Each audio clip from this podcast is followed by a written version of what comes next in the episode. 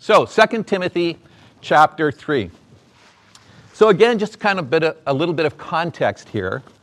Um, we are now in the second letter of Timothy. It was probably written two ish, two leaning to three years after the first letter. And um, as best as we can put together the Pauline literature, this would appear to be a second imprisonment in Rome uh, from which Paul writes Timothy. By the way, I did a little bit of research on it this week. And uh, in the 30 plus years of his ministry, uh, Paul probably spent somewhere between five and a half and six years uh, incarcerated or under house arrest. Uh, but he used that time profitably. Many of his letters were written from prison. Uh, but it just kind of gives you, again, an understanding of who he is and the humanity of the man. And so in Timothy, uh, Paul sees the end in sight, but he doesn't have a timeline. Okay? Uh, he senses that this is coming to the end of his journey, but he doesn't exactly know when that will be. Keep in mind that he's incarcerated the second time in 66, 67 uh, AD, which is the wonderful moment of the Emperor Nero, who had a particularly, um, can I say, uh, animosity of relationship with the Christians in Rome. Uh, and it was under um, Nero's rule that Paul was executed ultimately, at least traditionally. That's, that's where we kind of place that. So it was at the end of this second imprisonment. So Paul is, is handing off his ministry to the next generation, Titus and Timothy, but as we'll see next week, there's an awful lot more people in his sphere of influence than just these two men. But in these pastoral letters, we particularly get a perspective from Paul's eye view as a mentor. And so that's been kind of the grid that we've applied to all these letters. You know, uh, we've looked at how do you invest your life in someone else? What does that mean to be a mentor? What does it mean to pass on to others what God has deposited in your life, your experience, uh, your answers to prayer, um, your experience in ministry, you know, um, you know, your experience with the Holy Spirit. How do you pass that along to other people? And Paul serves as a model for this. And that's what we've been kind of looking at as we've gone through these letters. So, um, in this particular letter, Paul loves to use contrast. I mean, he is just, he uses this all of the time. He's going to use it again here in chapter 3. He's going to give us two different profiles. Um, and uh, he's going to use these two different things again to clarify in Timothy's mind what gospel shaped living actually looks like. So he's going to talk about what it doesn't look like, and he's going to talk about what it does look like. And so in this chapter, for these few moments, the first nine verses, he shifts from talking to Timothy directly to commenting on the false teachers uh, causing issues in the Ephesian church, and particularly highlighting their character and conduct. He keeps coming back to this. He calls them out against the backdrop of the return of Jesus has an example of the evil characteristic of the last days. Now, I don't know about you, but I gave my heart to the Lord in the early 70s. Anyone? Anyone? Early 70s? 72, 73, anywhere in then? Okay. Were you born then? Uh, you, you were? Okay. So, back in the late 70s when I came to know the Lord, and um, particularly my experience over here at the church in Delta, way back when, um, the idea of Jesus coming again was a hot topic. This was the days of the late great planet Earth. Remember that? Salem Kirban, 666. Do you remember that? The Left Behind uh, books, uh, and later on a film series. Do you remember that? My grandmother lived and breathed the last days. God bless her. It's because of her prayers that I probably end up giving my heart to the Lord in the first place. But she was very big into the last days. And of course, what she was doing was looking at the newspaper and looking at the world around her and thinking, this has got to be the last days. Now, biblically speaking, and we'll get to the, back to this in a second, we've been in the last days for a lot of days. We've been in the last days since Jesus came the first time. And the Bible describes the last days as that period between Jesus' first coming and Jesus' second coming. And so, if you want to be biblical, the question is not, are we in the last days, which we certainly are. The question are, are we in the last of the last days? That's really the question um, that we, we sometimes are interested in knowing. So, Paul encourages Timothy not to waste time with these unteachable teachers, and he highlights their practice of subverting certain women who prove to be prone to being influenced by their teachers and compares them to the Egyptian magicians that challenged Moses. We'll come back to that in a minute. The false teachers are no more than religious charlatans, typical of the ancient world. There was just a lot of characters trafficking, trying to gain an audience. So um, let's dig into uh, 2 Timothy chapter 3. We'll begin at verse 1 in just a moment. Um, mentoring, coaching, discipling, giving spiritual direction doesn't take place in an ideal world, it takes place in the real world. And the real world is a world that has been impacted by the fall. So until Jesus Christ comes again, we live in a broken world full of broken people. This is the world where we have to live and move and have our being. And in order to conduct ourselves as, you know, followers of Jesus, people living Christ centered lives, we need a certain measure of spiritual discernment to understand uh, what it is that's from God, what it is from another source, how we should live. We need to be aware of what's going around on us. Not that we would panic, okay? The Bible says in the last days there will be some challenging days. Timothy's going to land on it in this particular chapter. It's, it's to kind of heads up rather than, you know, terrify people. It's, it's, it's to make sure you're prepared when this happens. We don't want you to be surprised. We don't want you to be unequipped. We don't want you to lose faith. We don't want you, you know, to, to be overwhelmed by this. Keep in mind that the Holy Spirit of God lives in you. God is with you in the middle of the real world. So, mentoring, coaching, discipling, spiritual direction, all these ministries of coming alongside take place not in an ideal world, but in the real world. And a mentor understands the spirit of the age, but is not daunted or intimidated by the spirit of the age. The context of the world we live in informs and shapes how we, as helpers, come alongside others to help them grow personally and spiritually. And Paul knew the world that Timothy would need to face, and he takes pains to prepare him for it. That's what you see taking place throughout uh, his letters to Timothy. Now, this paragraph opens by signaling a contrast from the previous paragraph. He uses that word but. Whenever you see the word but, you know, you always want to know what went before that. And um, although Paul hopes that some false teachers will repent, he doesn't want to give an unrealistic picture of the situation. While God may grant repentance to some, it's clear that opposition is going to continue until Jesus Christ comes again. And so Timothy is continuing to have to grapple with this problem uh, of, of false teachers, and Paul writes to steel his protege's resolve in confronting these troublemakers in the church in Ephesus. So, uh, if you have your Bible or your telephone in front of you, let's dig into this chapter. Here's Paul writing. But understand this in the last days, there will come times of difficulty. Jesus said, In this world, you will have trouble, but do not panic. I have overcome the world. Okay? Paul is just following through on Jesus' teaching. He's calling it for what it is. For people will be lovers of self, lovers of money, proud, arrogant, abusive, disobedient to their parents. And when you see disobedient to the parents, don't think of teenage rebellion here.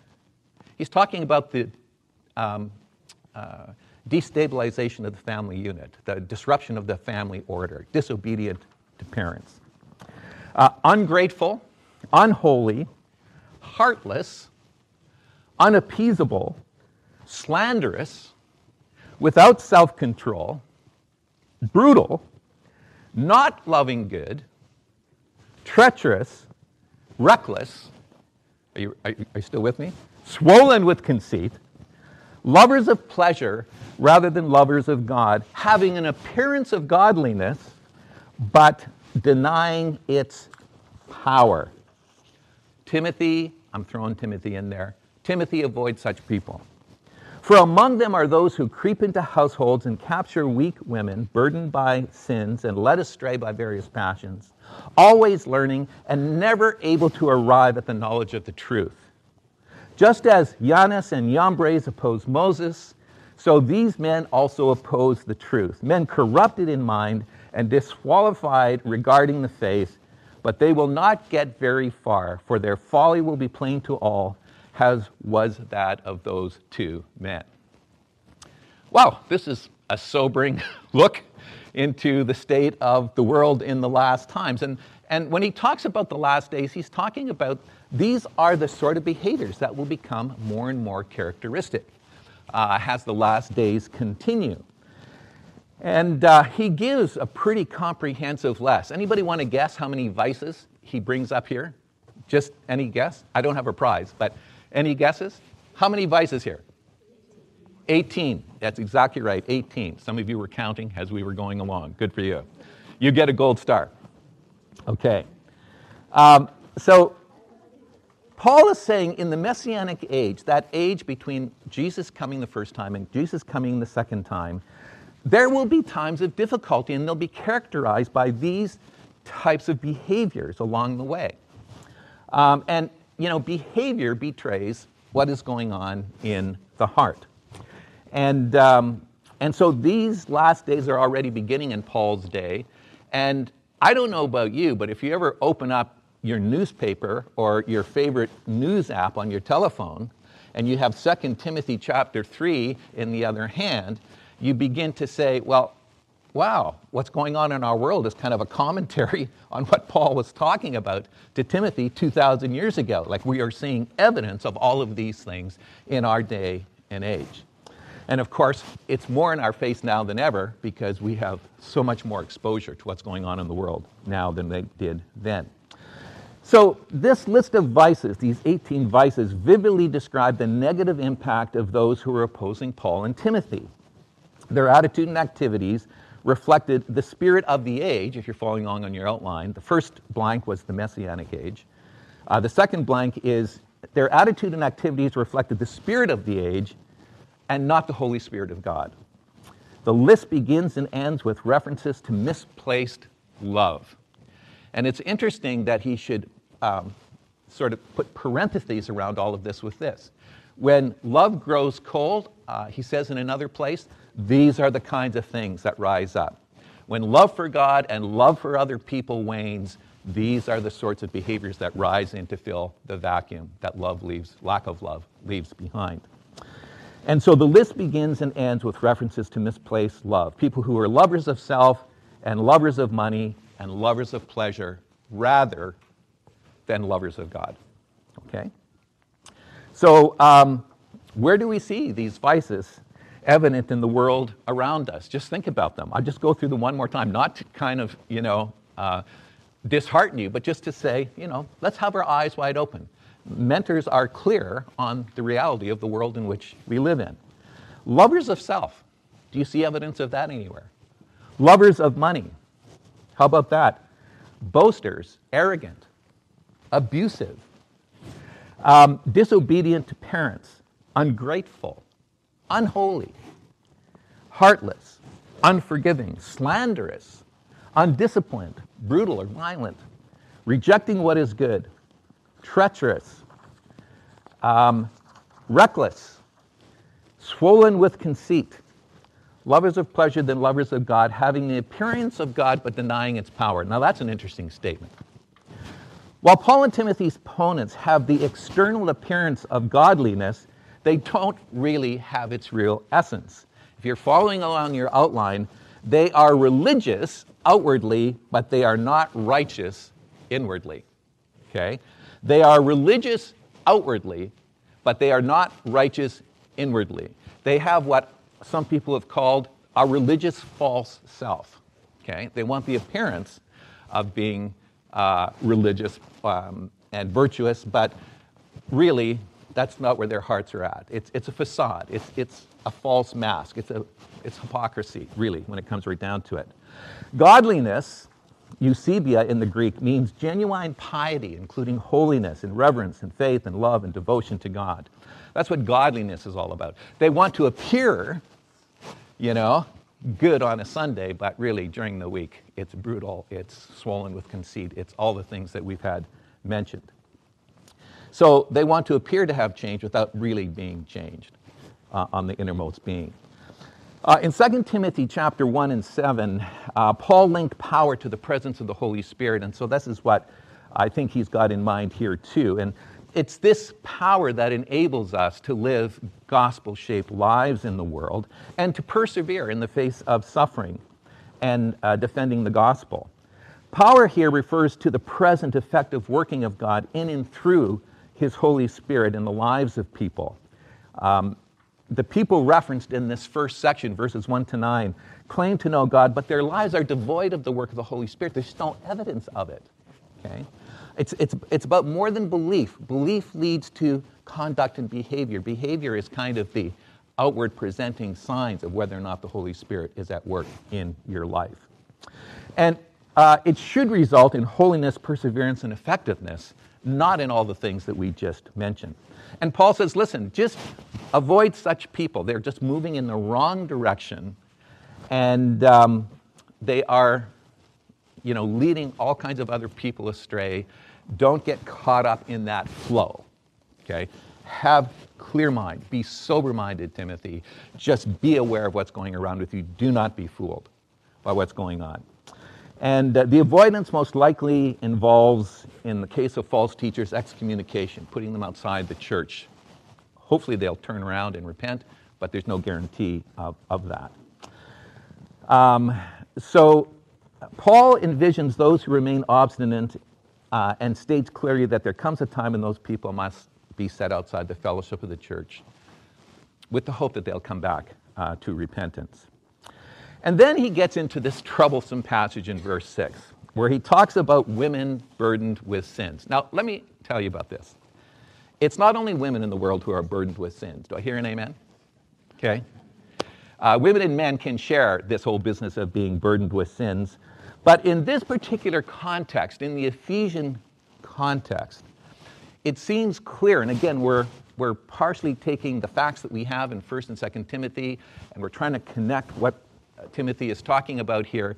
But it seems, as best as we can understand, that the false teachers gained a following among a group of women who were fairly wealthy with some time on their hands and um, uh, who were very interested in knowledge uh, and just thought these guys were the living end.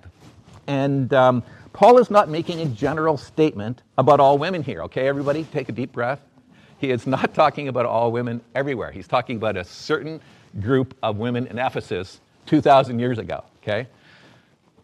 We good? You clear on that? Okay. Um, they've allowed themselves to be taken in, if you're following along on your outline, they're taken in by the smooth talking teachers. And Paul implies that guilt from their past makes these women particularly susceptible to asceticism or self denial and the antinomianism, which is, you know, anything goes, that type of uh, attitude set forth by the false teachers.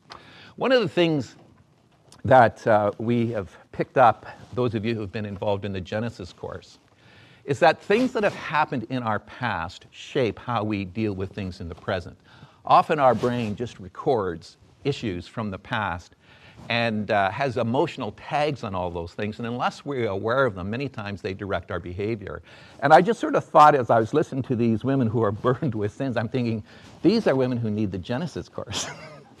they, they have got stuff in their past that they have never ever dealt with. And they are looking for some kind of relief from the guilt and the shame, and all of that goes with it. And it makes them uh, easy prey for these false teachers.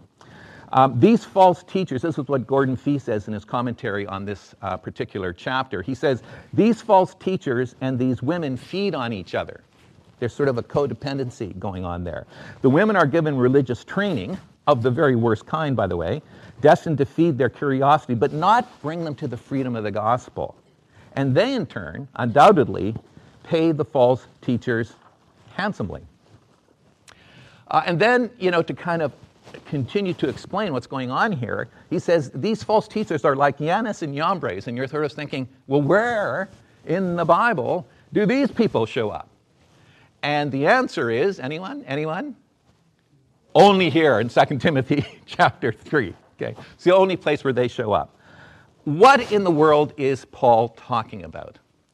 Well, traditionally, the magicians that opposed Moses, do you remember way back, you know, uh, in Genesis, going through all of that, and in Exodus, uh, there were magicians that opposed Moses, tried to frustrate um, his deliverance of the people.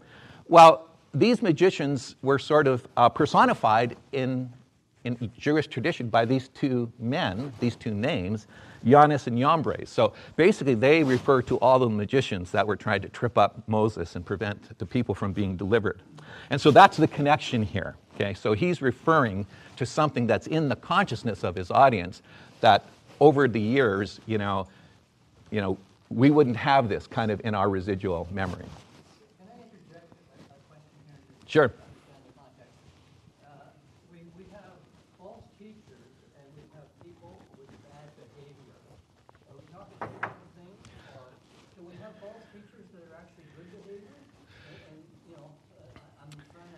So, so in this case, in this case in Ephesus, the false teachers are the personification of all of those vices. Okay? And that's why Paul is so concerned that Timothy does not waste any time with these people. They need to be confronted, not coddled. Okay? So, uh, but at the same time, you can have false teachers who maintain an appearance of godliness, but they desire, uh, they deny the power of the gospel. They have a religious false self, but inwardly they have not been changed. They are not indwelt by the Holy Spirit. But in this particular case, the false teachers are the exemplars of this type of behavior um, from Paul's point of view, and that's why he keeps coming back to them. Good question. So, um, so that's why he uses these two characters. It, it's just sort of names to represent the uh, magicians who confronted Moses, and of course, eventually the power of God was greater than the power of those magicians. He says these false teachers are just like those magicians. That's the kind of, they're, they're charlatans. They're, they're, you know, they just, they just don't have the Holy Spirit within them and they don't behave in, in like manner. He says they're corrupted in mind. Again, false teaching is cast into term of deficient thinking. It's all smoke and mirrors in Paul's mind. And uh, if you're following on your outline, this is why spiritual discernment, spiritual discernment, is necessary for coming to a knowledge of the truth. And that's what Paul is trying to do. He's trying to equip Timothy to be wise in terms of dealing with these influences. He said, These particular men, these false teachers, they are disqualified with regarding the faith. Despite their claims, these people do not having saving faith since they, if you're feeling in that outline, oppose the gospel. They oppose the gospel in both their teaching and their living. Okay? Um, you know, by their fruit you will know them. Uh, chapters 3 and verse 9, uh, another note of encouragement similar to chapter 219. In spite of the current success of these teachers, I mean, at this particular point, you know, you sort of say, you know, what hope is there? I mean, you know, and he says, listen, listen, Timothy, their sins will find them out. Trust me on this. Ultimately, they're going to fail. Uh, their sins will find them out. You can fool all the people all the time, but you cannot fool God any of the time. And He has not forgotten about these people who are misrepresenting Him and representing the gospel. But before we dive into the last part of chapter 3, let me say this by way of setting up these next few verses. Every person on the earth is in a process of spiritual formation. Everyone is. Doesn't matter who they are, whether they go to church or not. Because we've been created with a spiritual dimension in our lives that is waiting to be shaped into a person, and it's waiting for the Holy Spirit to animate it so that we can become the people that God has called us to be. And so, whether a person goes to church or not, that doesn't remove the image of God from their lives. They have a spiritual component. They have a if you want, they have a receiver that is designed to receive the communication that comes from God, even if it's kind of been neglected and is not being activated. So, the key question always for everyone who lives on this face of the earth is who is shaping your life? What voices, what influences, what beliefs are defining the person that you're becoming? In Ephesus and Crete, these influences included these false teachers, cultural norms, the allure of money, the desire for self promotion, just to name a few. And Paul calls Timothy and Titus to lead people to living gospel shaped lives. Um, uh, Thomas Mulholland Jr. says that Christian spiritual formation is the process of being transformed into the image of Christ by the gracious working of God's Spirit for the transformation of the world. That's what spiritual formation is all about. It's becoming what everything that God designed you to be so that you can do everything that God has called you to do. That's what spiritual formation is all about. That's what the Holy Spirit wants to bring about in my life and in yours. Um, Paul describes it in 2 Corinthians 3:18 like this. He says, "And we all, with unveiled face, I can't unpack that today, uh, but we all, with unveiled face, beholding the glory of the Lord, are being transformed into the same image from one degree of glory to another. For this comes from the Lord, that who is the Holy Spirit. This is the this is at the heart of Christian transformation, spiritual transformation, spiritual formation into Christ likeness. There are essentially three dynamic influences that influence our spiritual formation um, when it comes to living Christ centered lives. Number one, the Spirit of God, who indwells everyone who's accepted Jesus Christ as Lord. The second thing is the Scriptures. Uh, what God has revealed about who He is and what He's doing and who we are and what our calling is and how should we live for Him in the world. The Scriptures, under the illumination of the Holy Spirit, teach us in those ways. And the third dynamic is the community of faith, all of you gathered in this room. We need the Holy Spirit of God, we need the scriptures, and we need each other. That's how we grow in faith. These three key elements. Uh, in this next passage from 2 Timothy chapter 3, Paul highlights the formative power of the scriptures to enable us to become the persons that God has designed us to become. Without a discipline of engaging the scriptures, listening to the Spirit, and walking with others, outside forces will determine our life's definition and direction. If it's not being informed by the Spirit of God and the Word of God as we live together with the people of God, then we're going to be influenced by the world around us. And keep in mind that the world around us is preaching 24 hours a day, seven days a week.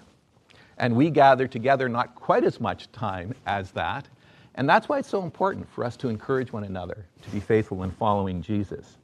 J.B. Phillips, in his paraphrase of uh, chapter 12 and 2 of Romans, captures the challenge he faced when he renders this verse. It's, it's very interesting the way he puts it. He says, Don't let the world squeeze you into its own mold, but let God remold your minds from within so that you may prove in practice that the plan of God for you is good and meets all his demands and moves towards the goal of true maturity.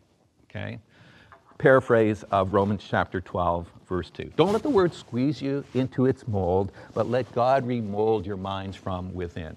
Okay, that's the process of spiritual transformation. So, the last part of chapter 3, the courage of a mentor, the practices and perseverance that's involved Courage is the willingness and the resolve to do the right thing at the right time for the right reason, whether you feel like it or not. Okay? Courage is not, not about being unafraid. Courage is about being brave.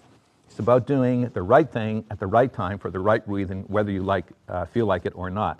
It's the determination to move forward in the face of opposition, remain loyal when ridiculed, to confront hatred and animosity with love and kindness. That takes courage. And having focused almost exclusively on false teachers in 1 9, Paul now addresses Timothy directly and how he should resist the opponents and remain faithful to the gospel. And the pivotal command to Timothy is here, what it sort of surrounds this command continue in what you've learned. So the paragraph begins with a clear contrast. You, however, tensions turned back to Timothy, um, the false teachers live and teach in one way, verses 1 to 9, but Paul provides a totally different model for Timothy. And the repetition of mine, verses 10 and 11, places clear emphasis that Paul is setting himself forward as the model for faithful living and ministry in contrast to his opponents. So, uh, chapter 3, verse 17, uh, 10, here's what he reads You, however, he's talking to Timothy now, you have followed my teaching my conduct, my aim in life, my faith, my patience, my love and steadfastness, my persecutions and sufferings that happened to me at Antioch, at Iconium, and at Lystra, which persecutions I endured, yet from them all the Lord rescued me. Indeed, all who desire to live a godly life in Christ will be persecuted, while evil people and impostors go on from bad to worse, deceiving and being deceived. But as for you, Timothy, continue in what you have learned and firmly believed, knowing from whom you've learned it, which are able to make you wise for salvation through faith in Jesus. And most of you have memorized this scripture. All scripture is breathed out by God and profitable for teaching, for reproof, for correction, for training in righteousness, that the man or woman of God may be complete, equipped for every good work. Okay. What is Paul saying here? He says, Timothy, you have seen me up close for a number of years. You have walked with me. You've tracked with me. You've seen how I've behaved uh, in times when have, uh, things have gone rough. You've seen me in the face of persecutions. You've seen me when the Holy Spirit has been poured out and people have been saved. You know, you have seen the power of God at work. Like, you have walked with me, Timothy. I'm not telling you about anything you don't know. I'm just bringing to your mind stuff you already know.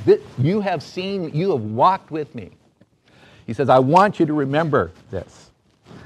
Um, from his earliest awareness of Paul, suffering was a part of all of that, and Timothy was eyewitness to all of that and a participant, actually, in, in much of it.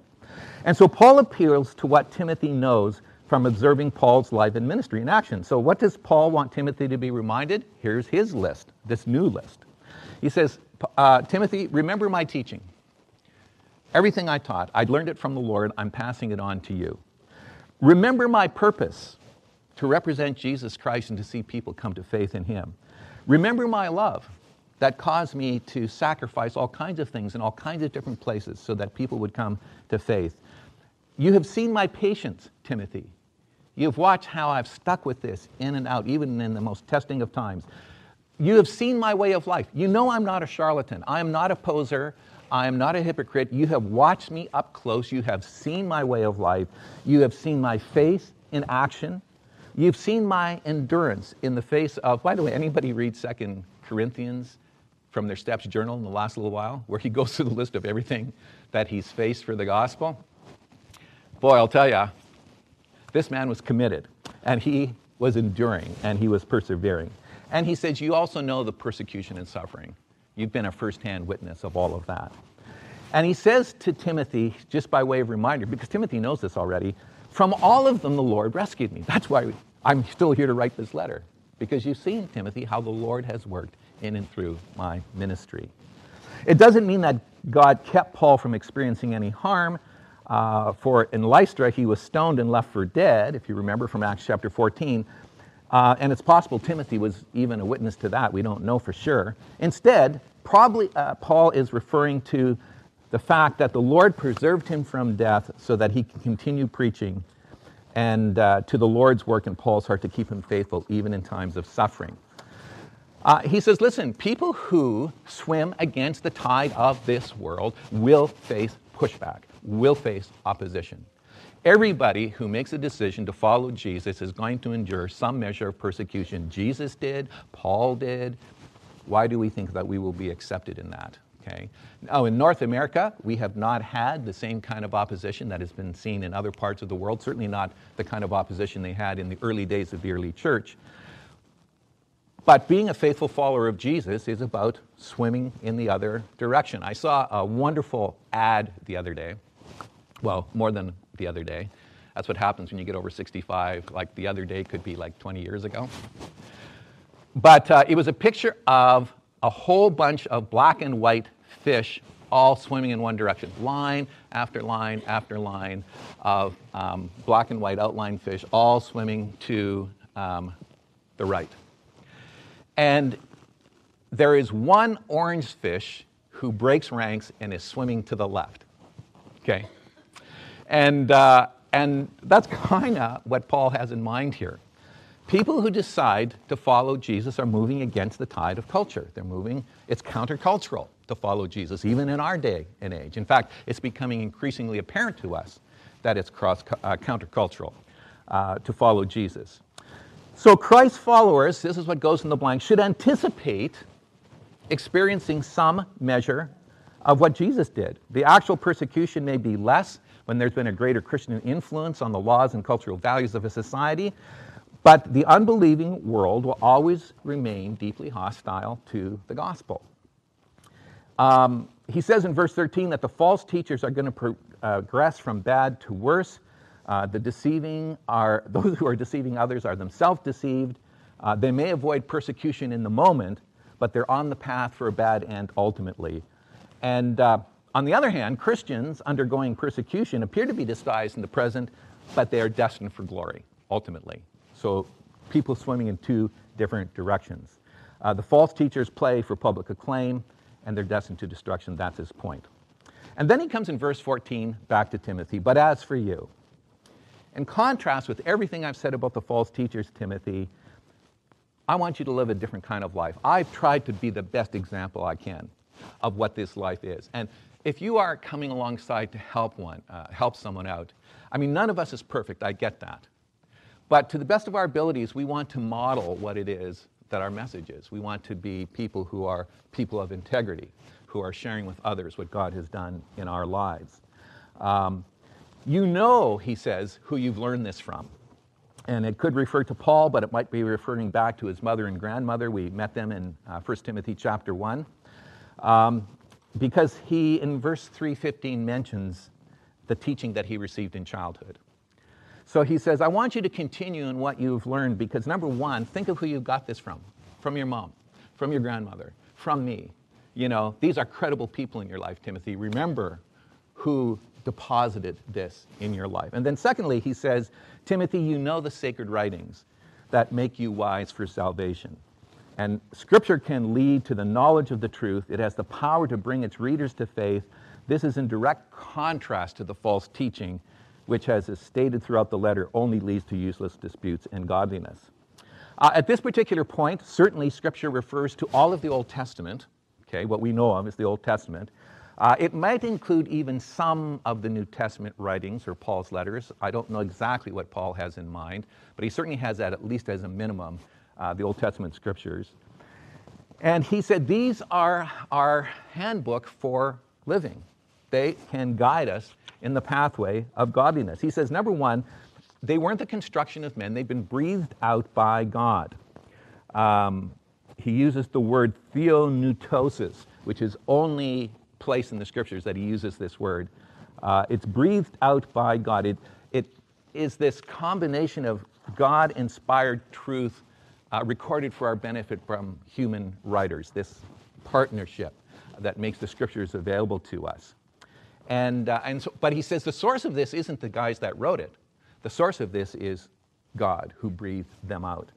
And it would seem that Paul and Timothy's opponents stress certain aspects of the scriptures. We've already read about that genealogy, so on and so forth. But Paul is expressing the authoritativeness of all of Scripture, like we need to consider it all.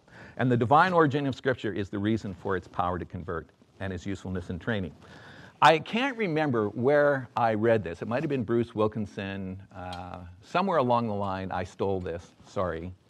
Um, but in dealing with this particular verse, he says, you know, here's what's going on when he's talking about Scripture. He says, number one, it's good for teaching.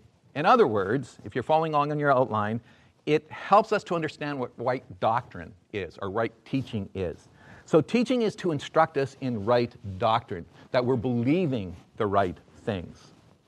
Reproof, that word, refers to correcting wrong behavior. Okay? You following along? Reproof is correcting wrong behavior. We do this, parents, with our kids. Correction is, uh, has it in mind correcting wrong doctrine. Okay? And training is training people in right behavior. So Paul kind of weaves this together like a basket. And he says the scriptures are good for teaching us right doctrine, correcting bad doctrine. It instructs us in right living, and it corrects us when we are not living the way we should. So, teaching right doctrine, reproof, wrong behavior, correction, wrong doctrine, training, right behavior. It's kind of chiastic here, the way he, he kind of lines it up. Begins with the good, ends with the good, packages the wrong in the middle. That's what the scriptures do. And the end result of this is that the man of God or the woman of God—he's—we're talking about all believers, may be complete or spiritually mature. That's the end goal. To be spiritually mature, to grow into the measure of the stature of the fullness of Christ. That's where it all goes. And so the end result of the formative power of scriptures in the life of a Christ follower is this is what goes in the blank spiritual maturity on the one hand, and effective ministry on the other. Spiritual maturity on the one hand, and effective ministry on the other. Okay. So that's 2 Timothy chapter 3, but Paul's not quite finished yet. And he's going to do something in chapter 4 that I think is really significant for our you know, lens of mentoring that we've you know, applied to this walk through the letters of Timothy and Titus. So make sure that you are here not next week, because next week is communion and baptism. But on the 4th of June, we'll be back um, to look at chapter 4 of 2 Timothy. So God bless you, everyone. Have a great day. Uh, for those of you that are just new, service at 11:15. Don't miss it. Don't even be late. Um, God bless you, each one.